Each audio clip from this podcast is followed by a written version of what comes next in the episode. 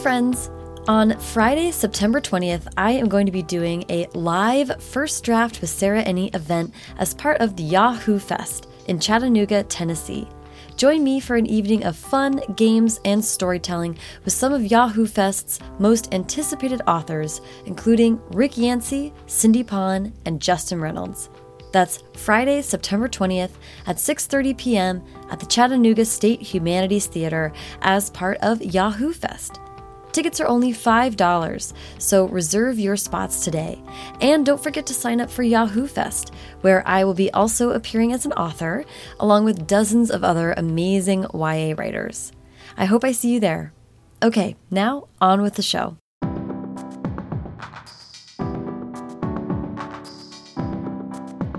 Welcome to First Draft with me, Sarah Enni. This week I'm talking to Gabby Rivera, author of Juliet Takes a Breath, which is out in hardcover on September 17th, and writer of the America Chavez series for Marvel Comics. Gabby is one of the most engaging and spirited people I have ever interviewed, and I'm so excited to share her thoughts on the true power of taking people seriously, discovering and building community as a writer, and finding the gentle language she needed to survive. So please sit back, relax, and enjoy the conversation. So we're starting way at the beginning, which is where were you born and raised? I was born at Misericordia Hospital in the Bronx. You know, I, I, when I was younger, it would always baffle me. When I say younger, I'm 36, so in my 20s, in my 20s and my teens, it would always baffle me that people would leave other places to come here mm-hmm. looking for their dreams. Because I'm like, you're coming here? it is so crowded there's like so many like wild things that are happening here you know what i mean like it, it always just boggled my mind and then i never like hung out in Times Square, right? To me, Times Square was just so much, so loud. Mm-hmm. Um, and I loved it, but I also was just so young. Like, why do people come here? Right. But then as I like gained more independence, right? Because we're talking about my upbringing. Mm-hmm. So I grew up in a very strict uh, Pentecostal Puerto Rican household. Um, my mom was a teacher in New York City, so I was always like, make sure your homework is done, be a good girl, mm-hmm. you know? And so I didn't get to experience all the fun parts of living in the Bronx or living in, in New York until I was like a little older, until I was like 17. That's interesting. Kind of when everyone else comes to New York. Yeah. yeah, I guess, right? I guess. That's interesting. For oh, that's, sure. That's really funny. So, so your mom is a teacher. Yes. How was reading and writing a part of growing up for you? Oh my goodness. I, I there's a picture of me at like maybe three or four, just so chubby and curly hair, and like in this like little white like pajama, pink and white pajama, sitting at like my first play school desk writing something. And I have that picture on my wall because I'm like, damn, I have always been this person. Mm-hmm. Um, and that is definitely like, I, I give honor to my mother for that because she taught me to read and write at an early age. Mm-hmm. Like I was quick on everything. And I've been writing and making up stories uh, ever since. You know, she's got little, uh, she saved some papers that I was writing when I was like six, seven, eight years old. And one of my first official stories I wrote when I was in eighth grade. I really remember I wrote this story about the Bronx and I like thought it was so cool. I was like, oh my God, I wrote about boys. I said shit in my writing. oh my God, I'm writing about what I see, you know, like uh, the culture, the neighborhood, the bodegas, the gangs, the girls, the all that stuff. And I thought, wow. So I printed it out and then sneakily distributed it to everybody in my class. And by the end of the day, it was like, oh my God, we're gonna make a movie. Oh yeah. So it was that's when that was a moment where I was like, I think I'm gonna do this. That is so cool. Yeah. That also relates to what I'm going to obnoxiously bring up throughout is like it seems to me in like doing the research to talk to you today like such a thread through your life seems to be like community building and like creating network and like building people up, right? Kind of banding together. I love that. You distribute it to your classmates and instead of being like what does Gabby think she's doing? They're like, we're going to film this right yeah. now. That's so cool. How affirming. Right. I mean, even though we didn't get to make the movie, it was still like so amazing that everybody was like rallying around it. And it was one of those first moments. I mean, I didn't know this then, but it, when I look at it now, I'm like, oh, oh, that's representation, right? Mm-hmm. Oh, literally, you you were writing about what they saw too. Yeah, I was writing us. Yeah. And then we all connected over it. Yeah. And it was the first time a lot of us had been excited about reading anything. Right. That's and you said that was eighth grade. Yeah. That's so power. What a powerful experience to have with your writing in eighth grade. That's also interesting because it's. I love talking to people who perform their work because a lot of us writers, um, I'll speak for myself, like in like a hobbit hole, just like writing, and then years later you're like, you leave it on someone's doorstep and run away. Like Right. like other people experiencing your art is very scary, but you kind of transition to being a poet and Right. speaking out. Oh, you have done your research. so I, I and that's that's so cool that you're a very from very early on. It was like I want to. I'm not making this just for myself. I want to share it.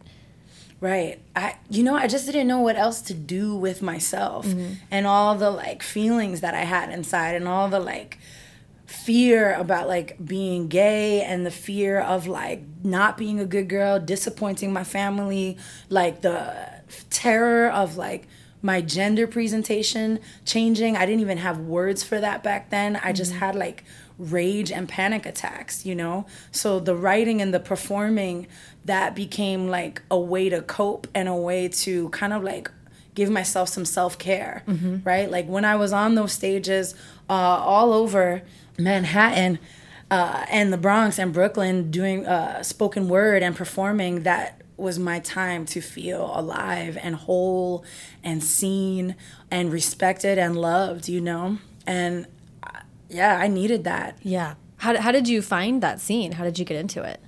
Oh, you know, it's so wild. Everything, like the universe is wild, right? So I'm writing this article for Bustle. And it's like the first time you fell in love. Mm. And and so I'm not writing about a person. I'm writing about like the first time that I fell in love with spoken word. Mm. And so I remember being, oh my God. I remember being like 17 in high school still.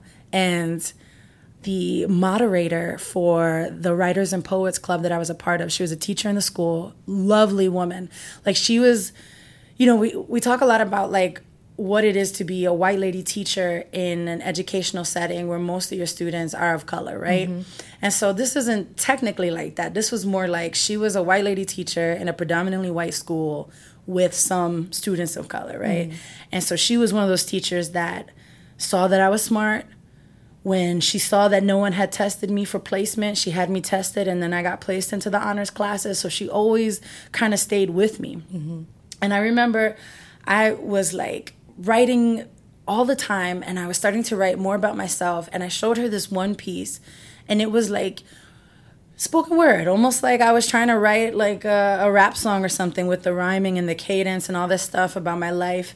And she had been published in a journal uh, with a poem about like a maple tree. And so we're sitting there, and she has her poem, and she has my poem. And she looked at me and was like, I care about you as a writer, and I know you're gonna be great. I cannot help you anymore. Whoa. And I was like, wait, what? And she was like, you are running faster than I can even imagine. She was like, what you need, this school here in Westchester, this writers group, you need to go beyond us. Wow. And so at first I was like a little hurt, right? I was just like, damn, how can Mrs. So and so say that to me? Like, what does that mean? You know, like, you can't help me. That's your job.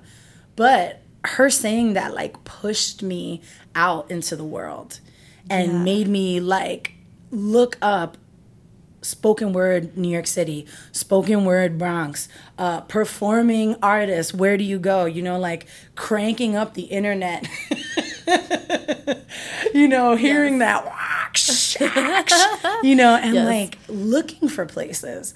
And her push um, led me to the Nuyorican Poets Cafe Okay. and changed my whole life. Well, first of all, that's that's an amazing story. I feel like that could have easily gone. I mean, it's a credit to you that you heard someone saying like, "I don't even know what the rest of your journey will look like because I don't have the the roadmap for it. But then you taking that on to be like, well, that means I have to navigate for myself. That's actually like, I don't want to gloss over that because that's a really big step. And not every young creative person feels like they can do that. Right. Yeah, I you know I just like it's like I didn't have anywhere else to go, mm-hmm. and also the like discovering my sexuality and and and like I said, that's where also the Pentecostal upbringing was like coming into harsh uh, light in my life, right? Where it was like, well, God doesn't love me because I'm probably maybe like girls, but that doesn't make sense in my head because God is love and I feel love and I don't feel like this is wrong inside of me. So it's like I was also hiding that in my poetry. I couldn't put that in my school poetry. Mm. You know what I mean? Like mm-hmm. there was a lot of homophobia in school and biphobia in school, all that stuff. And that's like your normal, everyone's quote unquote well behaved, like all girl school. You know what yeah, I mean? Right. Like, um, so so the push was yes for my writing, but it was also something like bubbling inside of me. Mm. You know, and so I went to the Nuyorican um, I like, t- I like straight up lied to my parents. Amazing. Cause you know, listen, like I was allowed to navigate my neighborhood the way any person would to you got to go to the store, you got to go to church, you got to go to school, you're moving around the neighborhood. Mm-hmm. I was not allowed to go hang out in the park or mm. be out in the street after dark or even be out in the street not directly in front of my house. Wow. So so there were limitations on where I could go and how. And so I made a plan. I called my friends and I was like, if my parents say anything, I'm at your house. and I took the two train all the way down to uh, like probably 42nd or 34th Street and then caught whatever DF to Alphabet City. Terrified and so excited. And I get to the New Nuyorican and I look and I'm like, there's just this line of people that I've never seen before. Mm-hmm. Like, first of all, I, re- I remember clearly that there were two women making out and they were like women of color. And I was just like, wait, what is happening here? Um, but there were also like people that looked like, you know, boys in my neighborhood with like poetry books in their hands and, and, and, and gentle folks and like just a much needed like change of what it means to be somebody uh, Puerto Rican from the Bronx, what it means to be somebody from New York, what it means to be somebody trying to find yourself, mm-hmm. you know? And so just the line was beautiful. And then getting in there and, and making my way through and sitting in that audience while at the time Mahogany Browne was hosting at the New Nuyorican. She was incredible. And everything came alive. And I never knew that language could sound like that. I'd never heard uh, spoken word before. I, would read it. I, I know rap music and stuff like that, but I sat there and just my whole life just opened up in front of me. That's amazing. It's such a cool to have a moment where you're like, oh yeah, that was a pivot point. So when I think of poetry, I think of like really autobiographical. Had poetry always been that for you, or did it shift after you saw this community? I mean, it always had been. I think I had just left certain pieces out. So, you know, I definitely had the traditional, like, woe is me, I'm gonna die, I'm 17 poetry, you know, like that kind of thing. Um, but the spoken word community um, and that stage showed me that, like, I could put all of it in there. Yeah. And it was the Nuyorican, and it was sneaking out and, like, going there and finally getting confronted by my parents like where are you going? I got home once at like 5.30 in the morning because you know it would let out at 2.30 mm-hmm. by the time you take the trains all the way up to the north bronx i'm the last stop on the 2 train growing up okay? I got in that house my mother's like nana it is 5.30 in the morning. Where have you been? And i'm like okay we need to talk I really love poetry, and I, you guys are just not gonna stop me. I've been a good girl my whole life, and I'm going to poetry in the city, okay? My mom and dad looked at me and were like, go to bed. go to bed. We'll talk in the morning. And so it was like I came out as a poet to my parents. That is the funniest thing. Because, like, of all that, you're like, I'm an arms dealer. Like, of Right. all the things that you could have been like, I have to be honest, I love poetry. Like, Mm-hmm. that's so sweet. but, but I'm not, not to make light of it. I know that was like a really big thing for you to admit. Yeah. Yeah, and just I wanted them to trust me, you know. The the uh, expectations that they have for me and my brother were so high. And I feel like I met every single one. And so it was like really a moment to be like I'm doing what you ask of me and now I'm also having to like build my own life, Right. you know. Right. Um, yeah, and then the spoken word uh, led me to the New York City Latina Writers Group. There, uh, I worked with Alicia Anabel Santos. I worked with Vanessa Mártir, who is an incredible writer, and um, she was working with Vona for a while. She is my writing mentor. Uh, and so through forging that path and finding my own community, I was able to like meet folks that would like elevate my work and teach me stuff, you know? Right. Your teacher saying, like, you had to find new people that could Totally. actually, like, kind of keep pace with you or Right. Um, I don't want to skip over the performing part of it Okay. because I'm fascinated by that. Like, how did you? What did you learn about how to be on stage and to memorize things? I mean, like, see, like that's granularly. different. That's different. Okay, let's be clear. Um, I didn't ever do slams. Got it. Because of the memorizing thing. Interesting. Because I would get up there and I would be doing well and then it would go blank. Everything would go blank. Mm-hmm. And also, like, that just wasn't, I, I wasn't confident enough yet to keep trying to make myself learn it without a paper in my hand. Mm-hmm. So I would always do open mics and I would always do like featured or like if people were selecting specific performers, I would go up and do my like five minutes, six minutes. Um, so yeah, that that. But there's performance in that too, right? So I I don't I see this is the thing. For me it was like you see how I'm sitting in this chair? I'm moving around, my hands are moving. I have a lot of energy. My mind is always worrying. I'm always wiggling. And so to me, the performers that could get me to stop wiggling for a moment would always stand out. Yeah. I mean, the first time I walked into um, that apartment in Harlem for the first meeting of the New York City Latina Writers Group, I had never seen anything like it. It was literally like uh, Puerto Rican, Dominican, Honduran women of uh, many shades sitting around writing together with uh, intent, with purpose, spirituality, being guided by uh, an older woman with coffee and candles and altars and all this stuff. And I was just so happy to be a part of it and also again another moment of like I've never seen our people in this context, right? Because I don't come from a family of artists, you know what I mean? Mm-hmm. Like I come from folks that were like cleaning women but also folks that worked their way up to be educators, to have their own jobs, their own businesses, so like really hardworking folks. Not a lot of room for like I know, yeah. Yeah, the only artist that in my family was my grandfather. What, he, what what kind of art did he make? everything. He was a painter. He was a craftsman, so he did the wood beams in my grandma's living room by hand. Amazing. He could cook. He could bake. He was the Renaissance man. Yeah, That's amazing. he's my one.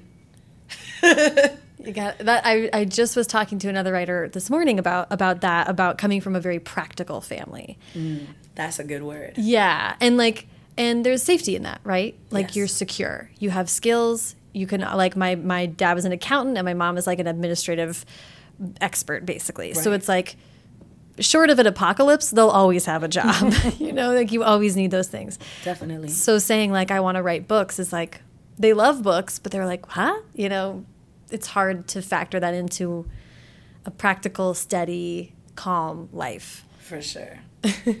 yes, that was that was like another challenging moment like in my 20s in my development as an adult. Again with my gender presentation changing and all of these things there's like the straight kind of hetero world doesn't have a lot of room for you. Like if you're kind of like a butch masculine presenting dyke or like a hella femme man or a trans woman of color whatever it is people are policing you. They don't want to let you in. They don't want to hire you to be a teacher. They don't want to hire you to be a bank teller, like or whatever. If we even have those anymore, like there's so much. There's so many boundaries. So there was a minute in my life where I was like, how am I gonna survive? Like, how, where am I gonna work? How can I get a job like my parents did in this traditional world? Right. It was like there were so many doors that were just like closing one by one. The more I changed, the more it felt like, damn, where, how do I move forward? How do I survive? Right. Yeah, I, I haven't thought about it in just that way before, but then like like the traditional world, like you're not playing by those rules anymore, so it can it's like slips away. Yeah, and and it was that where I was like, well, where can I? Because I don't want to change. A lot of uh, a lot of LGBTQ folks, a lot of we we code switch, we change how we look, dress, so that we can have the safety of our job. We downplay our identity so that we don't get fired as teachers. Which like practically in every state, you can still get fired for being a gay teacher and be out. Like, so I was like, well, I don't want to change. That's not me. I'm gonna die. If I have to pretend, I'm gonna die. And so I turned to the arts world and I found work as a set PA all over New York City. There was a program, the Made in New York PA program, and I did that through the mayor's office. And they gave work on film sets to women, to marginalized folks, people of color, and it was two year job placement. Hello, sign me That's up awesome. one one thing thank you new york city for those type of programs and and they really work they get people into the industries that they don't have access to otherwise you mm-hmm. know and so it was on sets where i was like oh i'm not the only me and i'm viable and i'm feeling like i'm part of something big and beautiful and the people here literally don't care as long as i show up and do a good job Right. And also demystifying like writers make TV shows. Act you know like the arts that's a practical application of the arts. Hey, yeah. Oh, I love that. Yes. yes, exactly. Like it opened my mind up to the uh, tremendous possibilities of not just employment, but like the way that art can like move your life forward, you know? and different mediums, right? Because like we'll get into it, but you've you've jumped around and are exploring a lot of different mediums, which I always I think is so admirable. Like I think com- people can get on kind of a novel track, Right. And like novels are the thing, but right now, especially, why not do everything? Everything. Um, but let's get to how Juliet Takes a Breath kind of started to come about, because I Totally. do know that it was a long process. yes. How did you first get the idea, or when did you even start thinking like, I think I want to write a book? Okay. So when I was in college, so I went to college in Baltimore. I went to Goucher College. It's a private liberal arts college. And in the early 2000s, schools like that were just throwing money at especially like students of color out of state. So I got a good scholarship. I went to Goucher. And while I was there, I learned about, you know, all the things, right? Like feminism and politics and the language to discuss that. And one of the books I read there uh, from a friend was a book called Cunt by Inga Muscio. And it like blew my mind. And so for my like college internship, I went to Portland to be her writer's assistant. Wow, Yeah. that's so cool. It was super cool. It was wild. My mother to this day is like, you're. She's always like, Nana, you're always doing something crazy. So I went off. I did that. Came back. Went back to my life. Right back to. I brought poetry slams to Goucher because I was like, you guys don't have that here. Oh my goodness. So I was organizing those, and then a couple of community years, organizing. Yeah, right. and then and that was the best. Oh my god, that was the best. But a couple years later, my friend Ariel Gore, who's also a writer, Mm-hmm. uh, was putting together the anthology uh, Portland Queer, and she was like, "You should contribute." I was like, "I don't know." She was like, "Look, when you came to Portland as a baby and you worked with Inga, like I've never heard a story like that. You should write it down." So Ariel Gore encouraged me to write that uh, element of my life into a story, and I did. So the first iteration of Juliet Takes a Breath is in Portland Queer Okay, as Yeah. a short story. as a short story. Okay, and it's not. It was fiction still. Still fiction, Got it. totally fictionalized. Like Juliet Milagros Palante, like I didn't want to. I don't know. It just did. It just felt more fun. Mm-hmm. You know what I mean? So I wrote about it like that, And then this is where performance comes in. So uh, Portland Queer gets nominated for a Lambda Award. And it actually it won that Lambda Award for Best Anthology that year, but we got invited to do a bunch of readings. And so at one of those readings, uh, a publisher in the audience was like, I'm a publisher and an editor. If you turn this into a novel, I will publish you. And I was like, what? Damn. oh my God. okay, you know, and I, I, in my head, you know, it's like there's a little part of, I think, almost like every artist or entertainer where you're like, what is a break?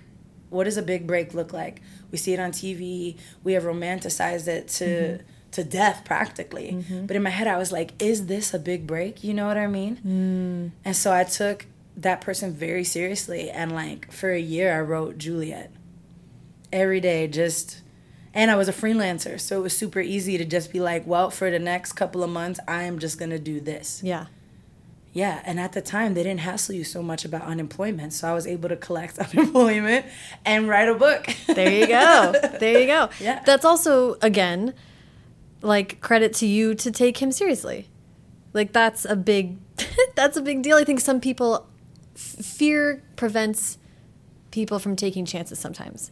So I just want to like pause on that because I think a lot of people that listen to this podcast are writers or aspiring writers and it's like like take someone seriously. You have that choice too. Like right. people want to uh, help you sometimes. Totally. And, and, you don't want to skip over that when it appears because it's not that common. No, not at all. And and and the other piece of it was that, yeah, I, I definitely took him seriously. And once the writers in my community saw that I was serious, they kind of banded. And even Ariel Gore was like, if that dude doesn't publish you, we'll make sure that you get published, you know? Yeah. And that goes to the importance of building your own writers community because yeah maybe it's that big break but it's also like leaning into that world and building relationships and and having strong foundations with folks who love you as a person and like respect your writing and help elevate your work yes so so important and also we'll get you through like writing a book is not oh easy. Oh listen, listen. I mean, I know we're talking about Ariel Gore a lot, but let me tell you that she opened her home up to me. I lived in a tiny trailer on her land in the desert in New Mexico for like a month and a half. Amazing. While she edited the first draft of Julia and I was like writing writing and editing. I'd give her like 30 pages and I'd be working on the 30 from last night. Like she had just had like her son was like two or three years old. It, we had there were chickens. Like oh my goodness, it was a whole thing. That's amazing. It's like a little mini MFA. Yeah. Oh my god. Yes. I love that. Yes. and like the desert, so fun to just get out of your own experience and just like let the creativity kind of run wild. Totally. And listen, I will say though, for folks, uh, you were saying that a lot of writers listen there were people in my like love circles and social circles that were like, "Oh, you're selfish. How dare you just leave and go write?" You have things to do. Oh, you're my girlfriend. You have to be here. Like, oh, what if I just took a month off? And I was battling that a lot as well, you mm-hmm. know, um, not necessarily from my parents, because my parents are just like, you do your thing, you stay out of trouble, we support you. and if you get in some trouble, whatever, but like, you know, mostly like try to be a good girl, you mm-hmm. know? Um, and so there was that that I was combating, and I really just was like, no, I have to do this like what will i have if i don't do this? I will still have nothing that mm-hmm. is mine that i can build a life on. And so that was like the core thing where it was like yeah finish a book. Okay yes you're gonna be a writer but also like i don't have nothing. I don't have anything to really like build a whole grown-up life from so i have to do this you mm-hmm. know? And that's i'm glad that you're making a point of that because i've been doing a lot of like I'm on this kick of reading like a bunch of self help books and like getting into that kind of thoughtfulness, which is good and interesting. And it's a lot of like talk around breakthroughs and leveling up in ways that you're thinking about your life and your work and like money and all of it. And part of the consistent pattern within those books is like some people are going to get mad at you if you want to take yourself seriously or, or make a change. Yes. And like if you want to if you want to step up to the next level, some people are going to want to drag you back down cuz they're scared or any of that stuff. And I feel like we don't talk enough about how sometimes then you can leave those people behind. Yes. Yeah, and it's better for your work and it's better for your Life. peace. Yeah. for your inner peace. Yeah. Yeah, none of those people are in my life anymore. And they And- once they show once they show you that that's like what they're going to represent, like anchors, Yes. you know. Yes, you know, as I moved more towards my goals and my my deep, beautiful aspirations, those people just kind of showed themselves the door. Mm-hmm. You know, and now, now I don't have anybody. I don't have anybody in my life like that. You know, there is not one person Yeah. that is ever telling me to not write or to not do or to not try. Like, no room. You know. I feel like it's like I think about it like in the car of my life, everybody's looking forward. Like we're all like excited about the future. That's like a consistent thread for people who are important to me and who love me the way that I want to be loved. Right. Um, For so sure. good side side tangent, but so I do know that you. So what happened after the end of the year? You took a year to write Juliet. Oh yeah. Would tell me through the rest of the journey of this of this book. Oh my gosh. Well, I mean, there was a lot of turbulence in my life. Yeah, there was a lot of like personal turbulence. There was like abusive relationships. There was some substance abuse, uh, drugs, alcohol. There was a lot of like chaos in the finding of myself. And writing and performing aside, there were definitely moments where I just didn't think I would live. Like, I didn't I didn't think I would survive a lot of my 20s. But then I did. and I did survive that wildness um, and, and, and all that pain. And I had to put Juliet down for a little bit because I needed to like find my way back into the light of it all. And so I did that. I put that down. I like got myself out of abusive relationship. I like stopped abusing drugs. I like really just kind of like reached for whatever roots in the ground were around me and just held on. Um, and so in moments where like I was able to move forward and get like new work, right? I was telling you that I worked at a arts organization called Dream Yard Project. And that was good for a while. That was some stability. And I was like, okay, I'm going to pick this book back up.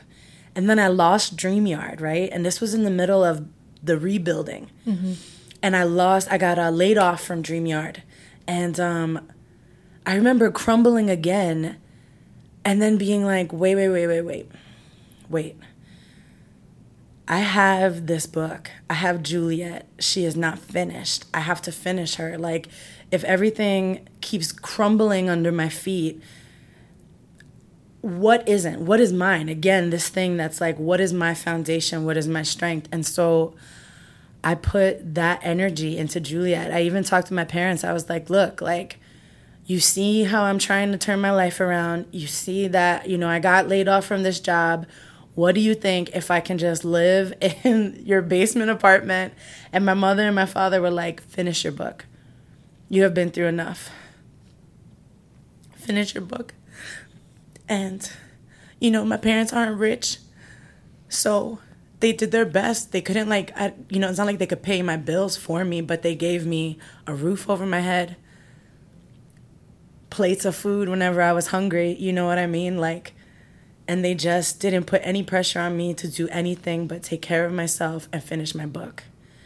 And that that is like part of the magic when you open Juliet and you read her and you feel connected that that is like the warmth of my parents and their love and their care too, you know? Yeah. What what else could you possibly ask for? Like that's like unconditional love straight up. Thank you for sharing. Are we that. both crying? Yeah, we're totally. We're totally. I'm not gonna let you cry alone. How how dare I? So Yeah. let's get to let's get to how does it become a physical thing that you can show everybody you achieved? that is the wild part, right? Like when it was all said and done, right? When it was all said and done, the same gentleman that had offered to publish me, um, he did what you know how people kind of like you work at Macmillan or you work at Scholastic and Yeah. you kind of bounce around. So he was bouncing around and he left me with Riverdale. And they're the folks that first published Juliet. He was no longer with them. Um, and so Lori Perkins over at uh, Riverdale, she navigated the contract for Juliet and was like, look, uh, we've got a new LGBTQ kind of like mini imprint and we're going to publish you here. We're print on demand. Nice to meet you. Let's go. Yeah. so there we were. And then it was like that uh, was it January 2016. That winter, me and my ex girl, well, me and my girlfriend at the time, she's my ex now. We're still, she's good. Hi, Laura. um, we edited the thing in her apartment, like line by line. You know, me and her just trying to like make sure that we had the right number of chapters. Yeah. I, I think in the original, I think if you have an original copy of Juliet, we're missing chapter 18. Skip, it skips. Yeah. I'm the chapters are so hard to keep track of. Listen, it's so wild because you know you go through them, right? And so there, then there we were. That's amazing. So so before we get into too many more details about Juliet, do you mind pitching that book for us? Sure. Okay, hold on one second. All right, Juliet Takes a Breath is the story of a 19 year old Puerto Rican, newly out baby dyke trying to find her way in the world with regards to her sexuality and politics and feminism. She's also in love with a book, a book that is teaching her those things. So she takes a summer to go intern with the wild white lady feminist that wrote the book. And you go on those adventures with her. Is that a good pitch? Yeah, yeah, Yeah. yeah. It's like it's like a oh, like a finding identity over the course of a summer kind of Yeah, contemporary story. Definitely. Yeah. It's like coming of age, fish out of water, summer fun. I always loved those stories too in those movies, like that just kind of take you on that journey um, for the three months that you find yourself in the summertime. and like you know, as a kid, like so you're like worlds change in the summer. You know, Totally. like it's three months is an eternity. You come back to school and you're like, two, I'm two or different three, now. right? Yeah, you are. Oh my gosh. Yes, you do. um, so yeah. Well, so I want to talk about elements of Juliet are certainly autobiographical. Like Yes. it does seem to mirror your experience of going to Portland and and like discovering yourself. Juliet and her mom ha- are at loggerheads when she comes out. That's a fraught relationship. Right. Was that at all your experience, or were you? Yes. Well, oh, yeah, for sure. I mean, my dad is like kind of like a dad, right? Like he's just like, okay, you know, hey, you're a furry, that's cool. Like, you know, we'll do whatever. Like, not to let him off the hook completely, right? But he had like gay people in his family, you know, and his mother, my grandmother, always protected the, especially the gay men in our family, right? Like there was, you couldn't make any jokes when they were in the house, like, or uh, about them when they weren't around. Like she was a protector.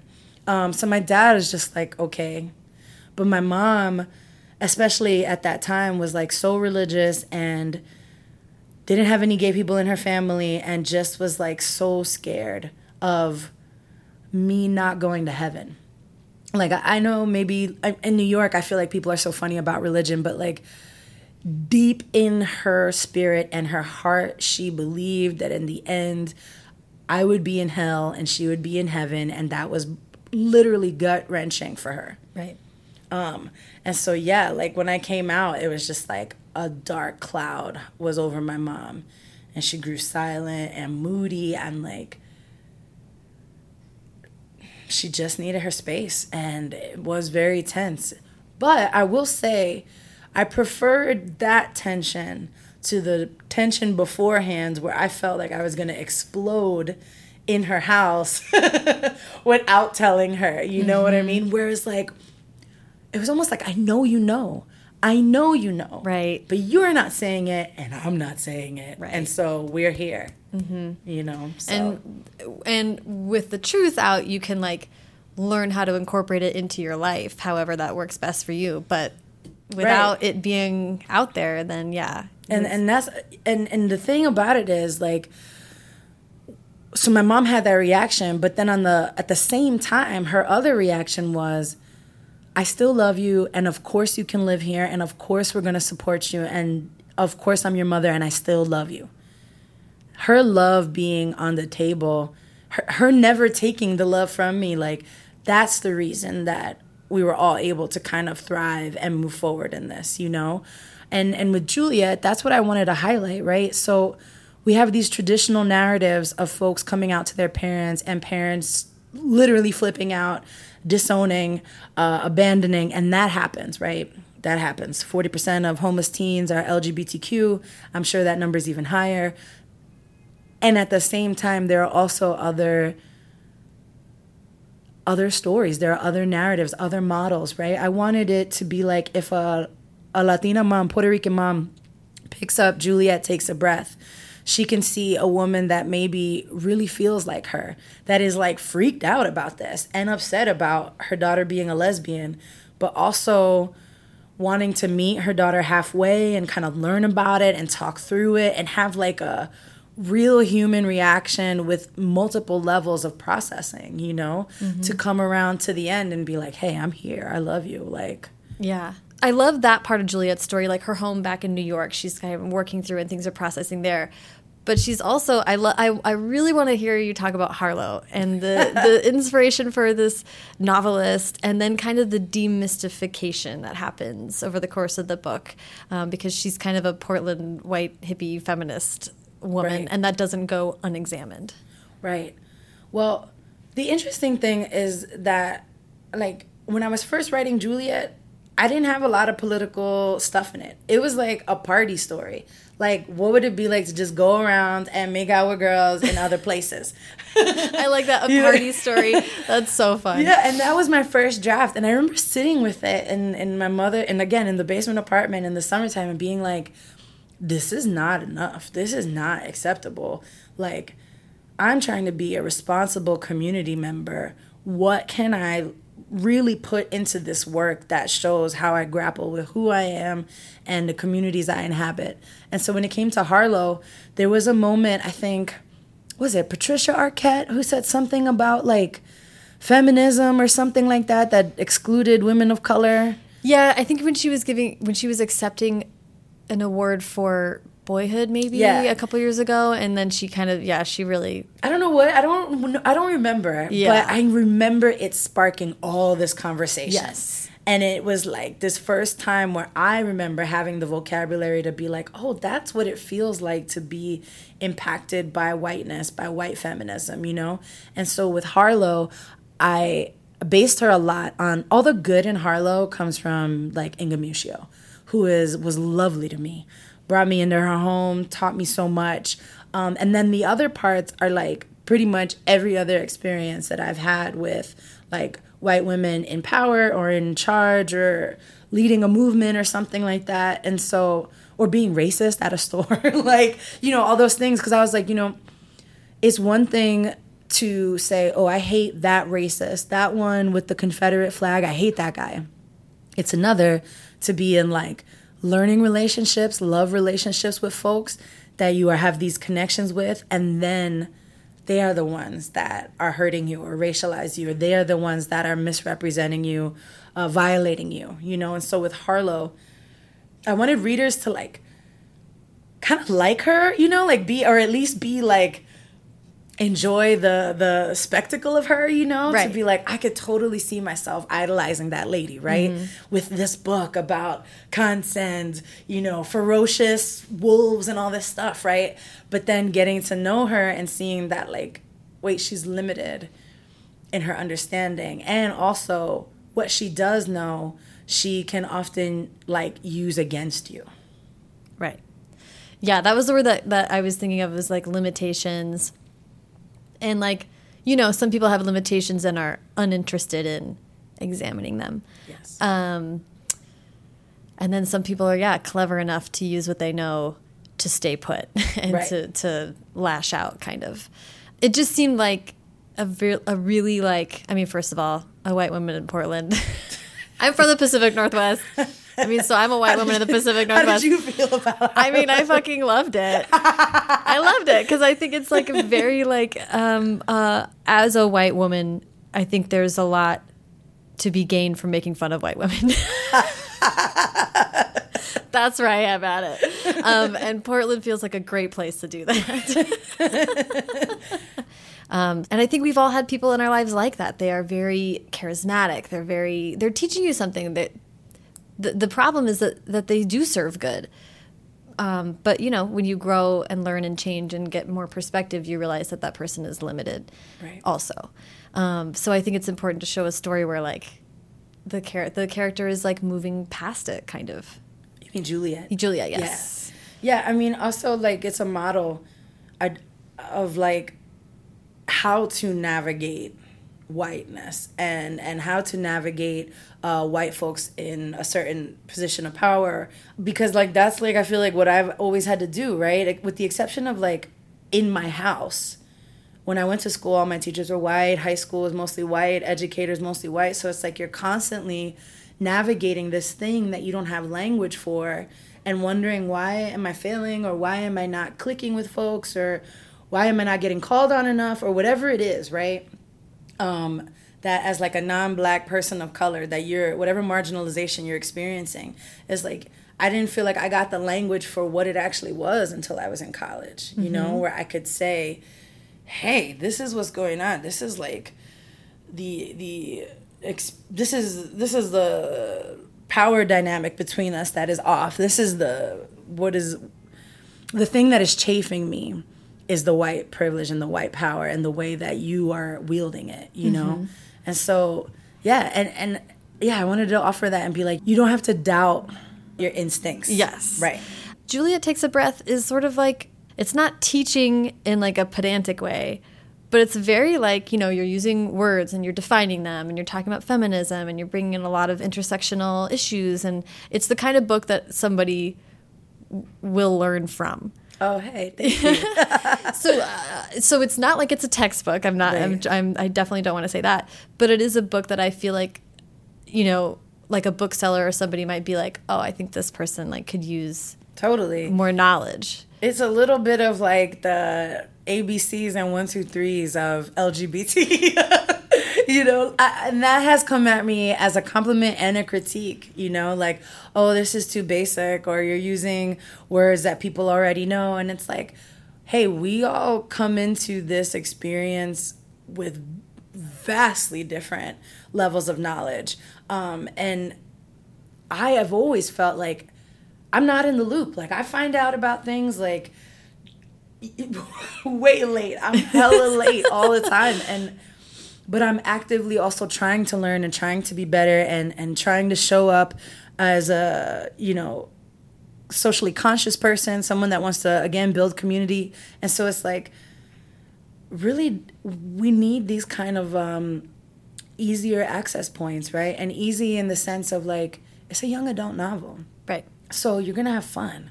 I just also wanted to be like, "Hey, you can live and it can be funny and like you can be gay, but also it doesn't have to be this final strike on your life. It can be something that you are dealing with the same way you're picking out like your lip gloss and your sneakers and trying to navigate school and like you are a whole person, mm-hmm. you know? And so I wanted Juliet, like Juliet to me feels like such a whole uh, realized person, character, you know? Yeah. I felt like watching from the outside that the book kind of like got louder over time. Like it kind of built a word of mouth and stuff. Yes. And I feel like that was a lot. I feel like you can take a lot of credit for that, right? Hey, I hope so. I mean, I think that the word of mouth from Juliet comes from like the communities that I had built, right? Like I was writing with Autostraddle, and they are still the number one largest independently owned women's mm -hmm. online media, right? And so I had all of that support hundreds of thousands of folks were reading Autostraddle, probably still are. Still, yeah. Uh, yeah.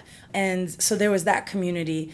And there were the nerdy book uh, folks that I had been uh, doing open mics with and running around supporting their features and all this stuff. So mm-hmm. there were so many just normal, regular communities, right?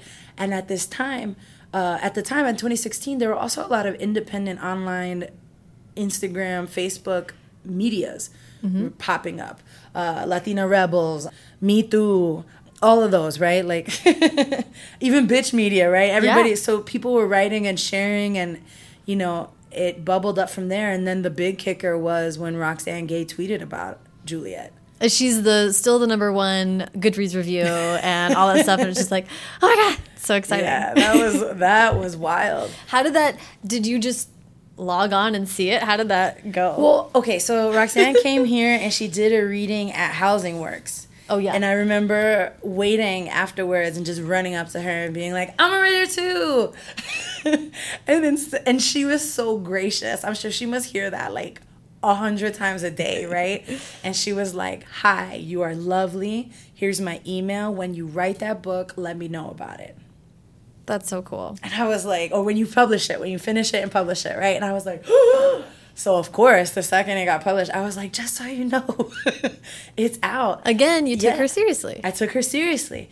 And then it was like, I didn't hold any expectation. I didn't hear too much. And then, like a couple of months later or something like that, my phone starts blowing up.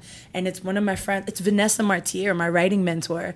And she's like, Nana, you need to get on Insta, uh, Twitter right now.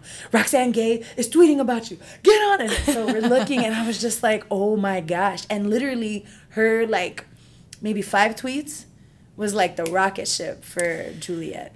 there are influencers and then there are like she is in this echelon of like a tweet from Roxane Gay could like put you on the list. Literally. It's like Oprah level like when the when her, she turns her spotlight. I I I always think about it where I'm like if I had that much power like I think I'd be a monster. it's like that's so much Yeah. that's so much for her to take in or to think about you know, how and I would have never even looked at her any kind of way if she hadn't done any of that. Totally. Just to be like, hey, look, I have a picture. it right, was right. enough, you know? Totally, totally. And so that was like, then all of a sudden Juliet got put on all these lists and, and people were reading about it. And again, hella indie, right? Like, Right.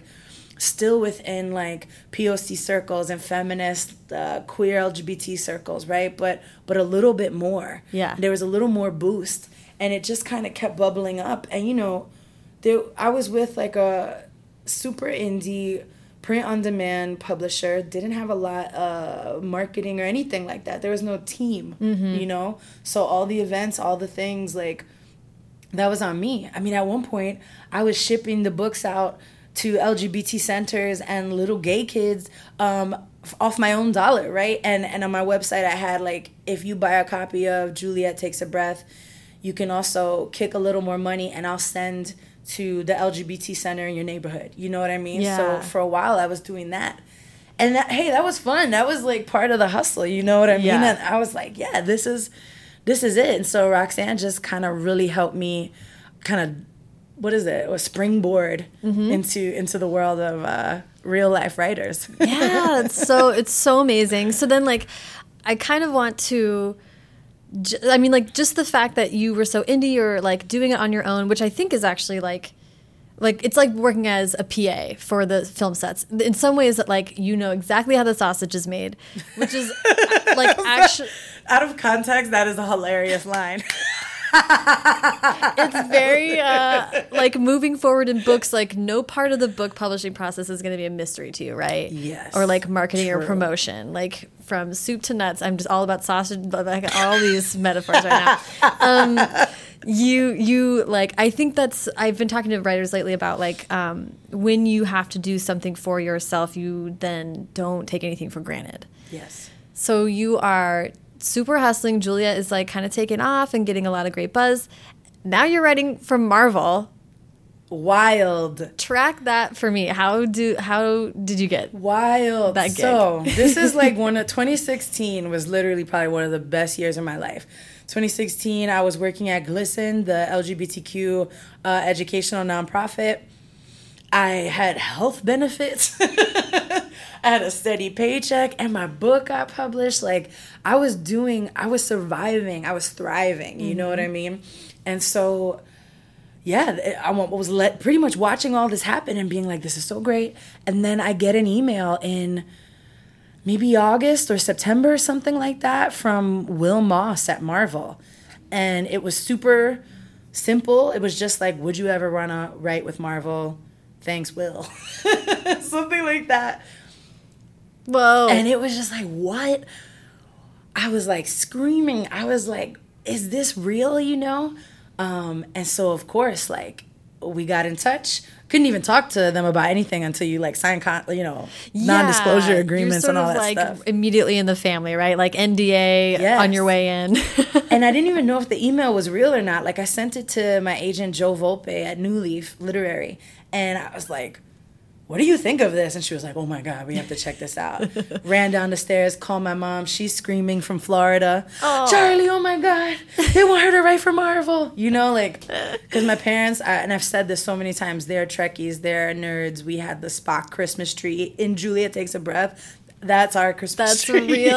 I Yes. can't. That's amazing. That's, of course, it's too good to be made up. right um and so yeah will moss and i and i love this story about will because you know a lot of white folks are always like oh i don't know what to do. I don't know how to make things better.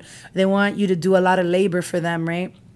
And for me will being like tasked to produce the America Chavez solo series because she was already a comic mm-hmm. character in the Marvel universe, right? He could have easily passed the buck to Joe and Tim and whoever white guys that they're all used to working together, you know, like the same old crew. But Will did his work. He, on his own, read books from women, women of color, Latino women, gay people. Like he stepped outside the comic world too, um, and that's how he found Juliet. And that was like a moment where I think I think that's just like a good model to share with folks. Like you can use your power and your privilege to like open up doors and bring folks in. You know. Yeah. So Ye- Will did that, and I was like, yeah.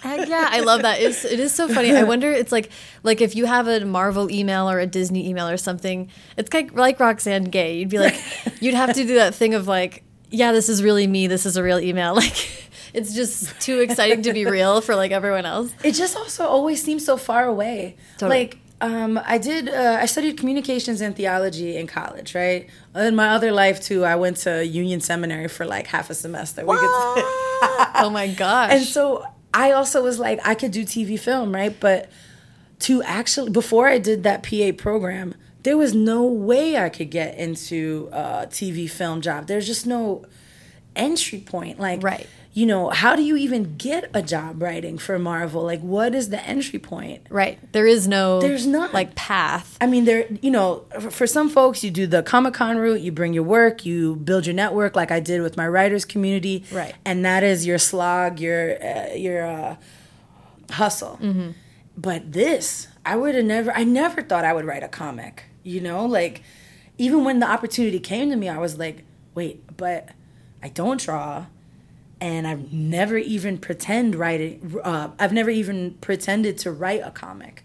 So how the heck is this gonna work? Yeah. Okay. So I really want to talk about this because I heard you on another podcast, and I think all this practical stuff is really useful. Like, um, so so were you a comic book fan or a reader?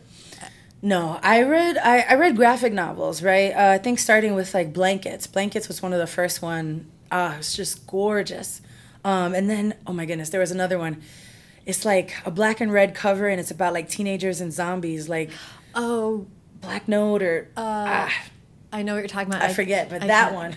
yes. Yes. And then I was like, oh, I love graphic novels, um, but never comics. My brother loved, you know, X Men and uh, Iron Man and all those folks, you know.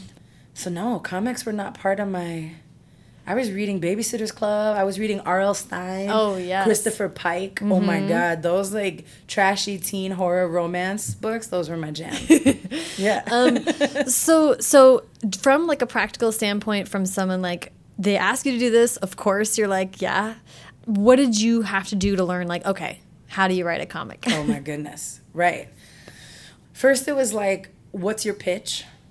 If we were to offer you 12 episodes or even 6 mm-hmm. what is your pitch? So I, I, it was a ton of research at first. First, it was like reading everything about America. right And Marvel was awesome about that. They gave me hard copies and PDFs of I was like, gonna say everything. good because that would be the first most intimidating thing. Is like comics are no joke. Those histories go back years. They're so interconnected and confusing. totally.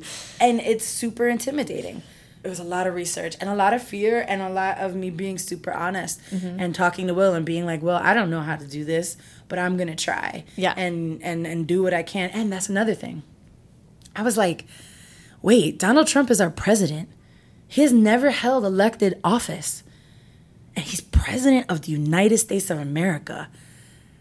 If Marvel wants me to write a comic, I can write a damn comic. like, if- what? No.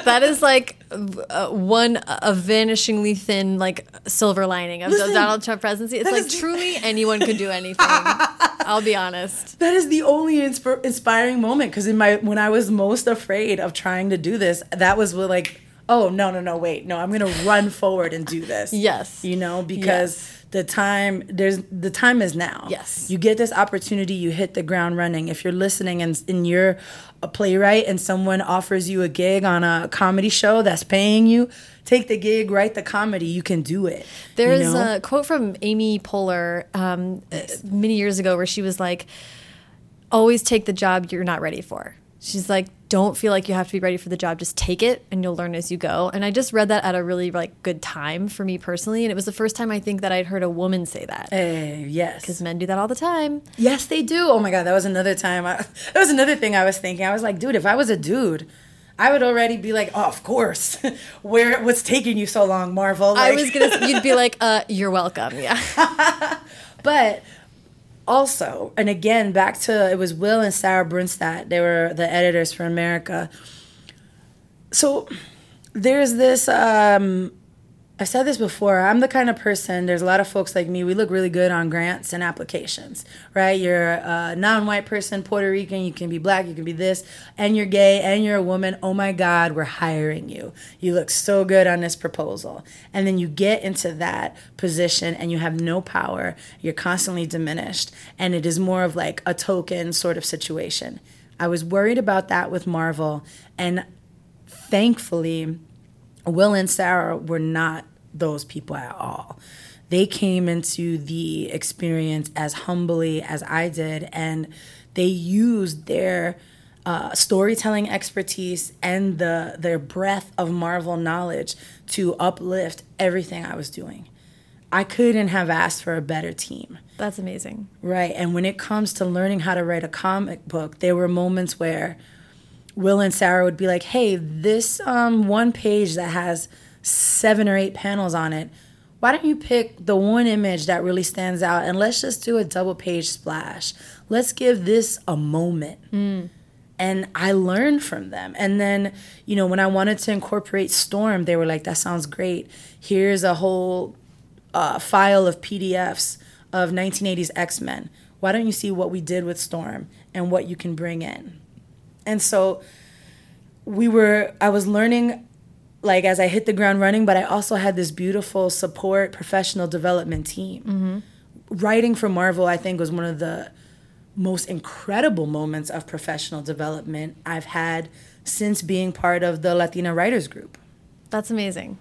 And very like what a dream. Like Yeah. here, here's a PDF of all the 80s Storm comics. know, You're like. I guess for my job I have to go read these now. Not bad. Yeah. Um that is so cool. And I like what you said earlier about being honest about what you didn't know. right. I think a lot I'll just speak for myself. Sometimes I get tripped up because I don't want to admit that I don't know something. And then you behind the scenes have to scramble and be like, I Right. don't know what I'm doing. and that's patriarchy, I feel like. For real. You know, because I feel like men don't communicate. They don't ever want to say they don't know something. No, you why they would rather die than not know something. But there's such power in, especially like, of course they know that they're hiring you because you're a storyteller. They don't need like they can help you put it in the right format. Right. That's not a problem. You just have to be sort of confident enough to say like, hey, I don't know how to format a script for a comic book. And then I, I on the other podcast I heard you say that you were like, can you send me an example? Yes. Oh my gosh. Yes. Listen, that is the way that I have navigated everything. When they asked me for a pitch, the first thing I said was, "Hey, could you send me what a really good pitch looks like?" And, Will sent me like two or three. Same thing with like a first draft of a script. I said, "Hey, do you have an example?"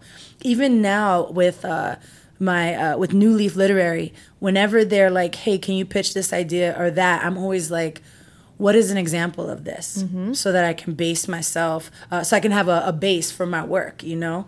Um, and that has been such a powerful tool, knowing what to ask for and that I have the right to ask for those things. Yes. and that everyone's happier when you know what I mean. yes, there people are love to give you that stuff too, you know, and it it also helps chip away at that like ever present imposter syndrome, where oh I don't deserve to be here at Marvel. Those people in those comments, they're right that you know I don't deserve it. I just got a lucky break. I'm trash. I'm this. I'm that, and it's like that voice that can help you turn that off is like no you you have every you have every right to be here you have every right to learn as you go and you have every right to be supported and to ask for what you need mm-hmm.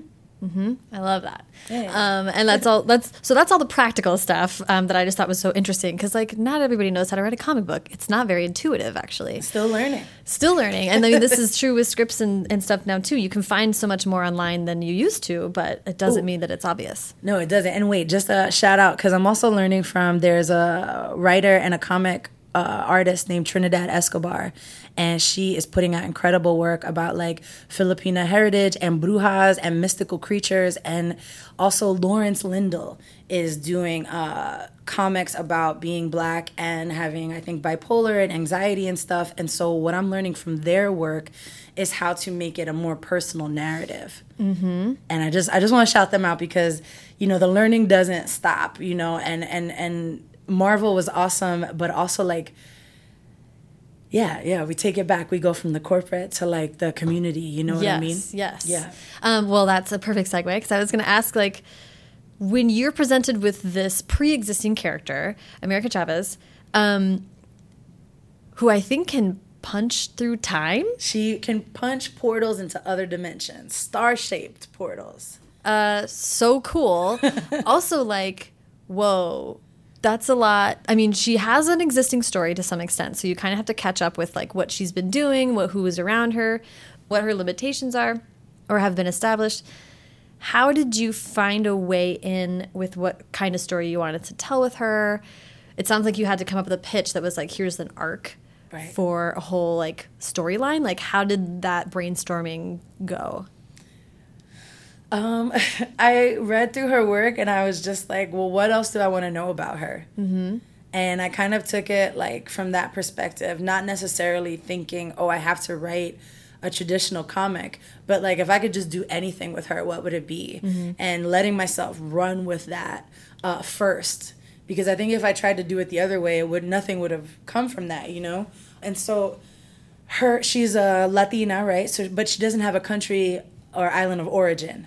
Yeah, uh, and forgive me because I'm just not a, a Marvel head, um, Right. so I don't know, Yeah. like her backstory really. Oh, okay. So America Chavez was born in the utopian parallel to two mothers who then, when America was about six, the uh, universe was being ripped apart and they sacrificed themselves to save the universe. Her mom's. Her moms. Whoa. And then as they were healing the like rip in the universe, America was able to like leave the utopian parallel. Whoa. Something like that. Whoa. and I'm sure there's a super fan out there who knows it better than me, but that's kind of the gist Got of it. what it is. And so I was like, well, wow, here's this young girl that has no family, who's out in the world and can portal wherever she wants. She's lesbian and Latina, but we don't really know from where, from what. Hmm. What do I want? What would I want if I was her? Literally. And so in my head, I was like, well, damn, I would want family. Because when I talk about being Puerto Rican, it is so rooted to my family. I wasn't born on the island of Puerto Rico, you know what I mean? All I know about being Puerto Rican is about being from the Bronx and from my mom and my dad. So, and my, you know, extended family. So I wanted to get her family. I wanted to also have her in a college setting because I, I don't know because I was, in my head I was like, well, when do you see Latinas in college anywhere in the media? You know, like you maybe you see them in your actual college, but like on TV, you don't really get a lot of that. You know, mm-hmm. so I thought that would be interesting. I wanted to make her just feel real, like a cousin, like your favorite prima that you would go hang out with. You know, so that that was my route with America. Also, she goes to Sotomayor University. Yes, she goes to the University of Sonia Sotomayor. because when I was thinking of colleges, I was like, what does an intergalactic college look like? But then also, where would I want to go to school? I literally can't think of one school that was designed with somebody like me in mind. Right. In like, if there's if you're out there, school, come find me because I will come and talk to you for free. like, but then I, in my head, I was like, well, what would that school look like? And so Sonia Sotomayor, like that was she was the first person to pop into my mind. I read her autobiography when I was writing Juliet. She's like part of another like bit of inspiration that helped me keep going, you know. And I just thought that would be so lovely to have a big old blue hologram of her like welcoming you in and to fill the school with other little like nods, you know, like the Chavela Vargas Amphitheater and the Neil deGrasse Tyson Science Dorms, you know, mm-hmm. like stuff that says, "Hey, you are welcome here. This is for you." Yeah, I love. I like too the like. Well, if you get to make up an intergalactic school, like, yeah, why put why put like boundaries on it? Why go to Harvard? Like, Right, right. make something new. Right. The other thing that I was thinking about with with Marvel and comic books is that like also on this other podcast you were talking a little bit about like how poetry and when you were able to perform your writing like that it's so vibrant and those circles are like kind of celebratory and that like books can be a little bit like dour or oh. quiet yes. you know maybe we don't have we don't have to say dour but definitely like a little bit quieter Yes. and like libraries right Oh my god, the difference between like a poetry slam and a book reading is huge. it's a big shift. Yeah. And and I was thinking that, and first of all, that's so funny because I was like, yeah, that's completely true. Right. But uh, comic books are like an explosion of like color and action and joy and like and and the writing itself is uh, poetic, right? Like Right. short bursts of kind of dialogue or description. So it seemed, it felt like kind of natural in this other way. Yes. Did you feel? did you feel that creatively, or was that? Yeah, there were, you know, there were a little more. So throughout the Amer, okay. what one thing that I love that felt poetic to me was like I also wanted to offer gentle love and guidance. When I talk, uh, when I go to colleges and I talk, I, I I say that like the language that I need to survive is a gentle language. It is a language that does not exist in mainstream American culture. It is a language that doesn't exist in our politics and, and, and all that stuff. It's a language that comes from like black women, right? Queer black women, and trickles out into all our other marginalized identities. It's a language of checking in. Are you good? Are you okay? How's your spirit? How's your heart? And and I never really see that language anywhere. And so with America, I just wanted to have that little like overarching voice that's like forge your path. Crack your ancestors wide open. You got this you know? Um, and so to me that felt poetic. Just wanted to offer some guidance and care for the young kids that are reading america and even for folks my age who are, are, are 36 and up and who've never had uh, this type of representation or connection to a character before that's where it felt really poetic to me Yeah, I love that. So, how did that experience go, and where are you looking to go moving forward? I would say that writing for Marvel was one of the best, most challenging, and also one of the most frightening things I've ever done. Um, frightening because I've never experienced so much like vitriol Oh, from fans Feedback, and yeah. feedback and, and, and stuff like that. Uh, and so many threats and so much negativity right? So that was i had to like regroup my whole life and figure out like how do i deal with these threats and this harassment this abuse from these fans who don't feel like i have the right to be here. And so that was a learning moment for me um, as as far as like how to protect myself as a public writer, right, or a mm-hmm. public person or something. Mm-hmm. But then also it was like writing for Marvel was challenging in a beautiful way because, like we just talked about, I got to level up in a skill set I didn't have before. Mm-hmm. How beautiful! Like. You mean I get to learn how to be a better writer without turning around and being $180,000 in debt? Like, yeah. In, in fact, you're getting paid. yeah, do and they're paying me, which is I like, you know, if you put me in charge of the government, there'd be so many artistic and trade schools. Like, anyway, and then beautiful because I got to meet all the good people that are either doing this work or that love comics or comics help them grow or they're just so happy that America's stories out in the world. Like I got to bring this story to life and go as wild with it as I wanted, even if it's a little all over the place, right? Like, hey, yeah, my first comic's gonna be a little all over the place, but it was so much fun. And my whole life has changed from doing Marvel, you know? Like, I, I got to do a TED talk, which was like wild. Like, I've gotten to travel all over the United States and talk to students in universities and like at bookstores and bookshops, at the corner store. Like, you know, just there's a whole uh, world that has opened up for me. And so, for the future and for what's happening right now, I am actually writing more comics. I'm gonna write a, a, a comic series with Boom Studios. I love them. They do Did the they do Lumberjanes. Lumberjanes? Yeah. Yes. Oh my god, I love that. And um, looking into turning Juliet into a graphic novel, and also writing something new. You know. Okay, I like to wrap up with advice. Thank you for giving me you've given me so much time already. I guess for advice, I don't know, maybe maybe advice from like people who feel like their story isn't in the world, like general advice or just advice Sure. from people that want to put out a brave story like that. Uh, whenever I talk to students, especially, my number one piece of advice is finish your work. Finish it. The play, the comedy routine, the music video, the sculpture, whatever it is, finish it. Even if you're like, oh, I don't think it's gonna be good or it's not great, like, finish it because once you have a completed work, then you have something that you can share with other people. You also then have something to build on and say, look, look, I did this and it's mm-hmm. yours, you know? Mm-hmm. And I know that, like, especially for writers, some people are like, oh, but it's gonna take me 10 years to do this work. I respect that too. And at the same time, like, maybe there's something you could finish in the meantime.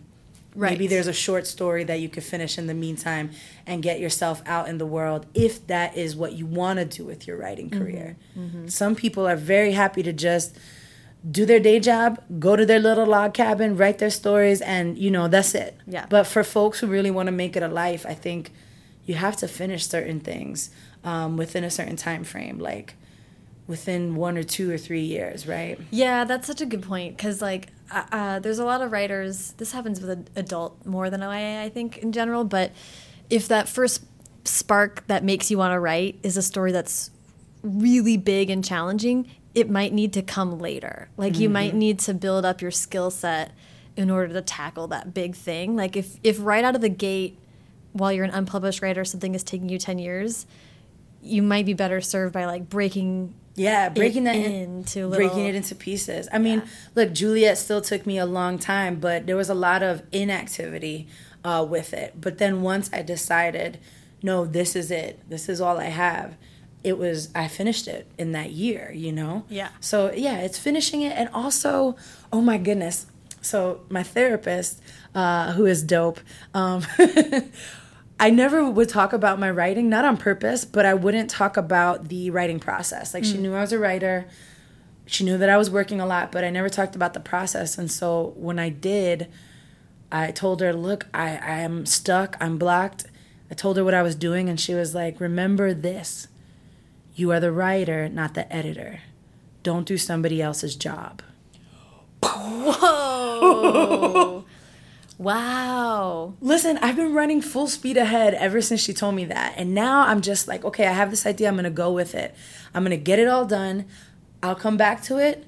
Then I'll review it. But then I'm going to keep going. And then once I'm at a place, I give it to someone else and it's out of my hands. That helped me so much. Right? you can't see it, but Yeah, that's really, really. She nailed it. she nailed it. I needed that. And not only like what I love about that, it's so simple. Which is the simplest stuff is the stuff that needs to like you like get hit late in life. You're like, oh, duh. But um, but like we like we talked about your hustle and you're making things happen on your own. Then it's really it's actually sort of this other act of self care to be like, oh, only take on the one job. Yes. Like that's hard Yes. when you've when you've been keeping the whole ship afloat yourself. Totally. Now you're in a position where your job as a writer is more than one job actually. You know, like that's so much work involved in that. Totally. but it's hard to not be DIY anymore. Right. You know what I mean? Well, not only that, but then I think uh, in my, you know, talking to a lot of writers, especially young writers, uh, you know, still in school, high school, college, whatever, they are so hard on themselves. Every line has to be perfect. People are watching, um, or or I don't think it's good enough. Every sentence, every syllable, and it's like, give yourself a break because now you're just like policing yourself. Yeah. You don't need to do that here. This writing space is for you. Mm-hmm. You know. Yeah. Um, oh my gosh. Okay. Well, I have a thousand more questions I could ask you, but but for today we, we have to wrap it up. But um, was there anything else that we didn't get to that you want to mention? I think. I mean, I think that we like have covered everything. um, if I if uh, if ever you know, whenever I talk to folks, I always want to highlight some good organizations. So I think one of the best organizations to, if you ever want to work with them, is the Sadie Nash Leadership Academy. Okay. they're in the city, and they literally take on like about a hundred young girls of color and offer them uh, professional development and growing opportunities and they bring in speakers like me and other arts artists and lawyers doctors and just give these girls like a place to develop and and, and shine so yeah if you're listening if you're a writer and you're looking for a group to connect with get in touch with the sadie nash leadership academy That's amazing. Okay, awesome. Cool. Um, Gabby, thank you so much for all your time today. oh my gosh thank you so much for having me Thank you so much to Gabby. Follow her on Twitter and Instagram at Quirky Rican, and follow me at Sarah Enni and the show at First Draft Pod. For links to everything that Gabby and I talked about in this episode, check out the show notes at firstdraftpod.com. This week they are particularly fun and rich. Gabby mentioned so many amazing organizations that are doing great work in New York and, and around the country. Um, also, tons of artists, a lot of other independent poets and artists, and I think the show notes are fantastic every week. This week is a particularly rich uh, list of links. If you ever enjoy an episode, you don't have to leave it behind. You can always like get more in depth by checking out the show notes and uh, clicking around. So I highly encourage that. Do you have any writing or creativity questions that you would like me and a guest to answer in upcoming episodes? I hope you do. I would love to hear from you. I would love for you to take that question to the voicemail box that I set up for the show. You can reach that at 818 533 1998. Uh, quick and easy, just leave me a little memo. Let me know what you're thinking. I'd love to hear feedback from listeners, and I'm trying to find new and better ways to kind of engage with you guys. So um, you'll be hearing these kind of question and answer mailbag episodes a little bit later this year, but for now, you can always give that number a call 818 533 1998. If you enjoyed the show today, and I hope you did, please subscribe to the podcast wherever you listen. And if you have a couple minutes, you can leave a rating or review on iTunes. It really super duper helps. I'm going to read one that was left recently by Pretty New User. Pretty New User says, Outstanding preparation and balance, five stars. Sarah Enni's level of dedication and preparation show with every episode. I love the balance between writing craft and the human side of things. Never stiff, never gushy, each interview flows organically without losing direction. Wow, that is just so sweet um, to hear. That is really, really nice of you to say, pretty new user. I really appreciate that. And I really appreciate you taking the few minutes out of your day to find the show on iTunes and leave that review and that rating. It bumps us up in the super secret algorithmic scale that Apple has, which means we get put into the feeds um, of other people that might want to hear the show and and is also very nice and gives you ample karma points, I like to think. So thank you again, pretty new user. Be like them and leave a review. Haley Hirschman produced this episode. The theme music is by Dan Bailey, and the logo was designed by Colin Keith. Thanks to production assistant Tasneem Daoud and transcriptionist at large Julie Anderson. And as ever, thanks to you, distinguished graduates of Sonia Sotomayor Galactic University, for listening.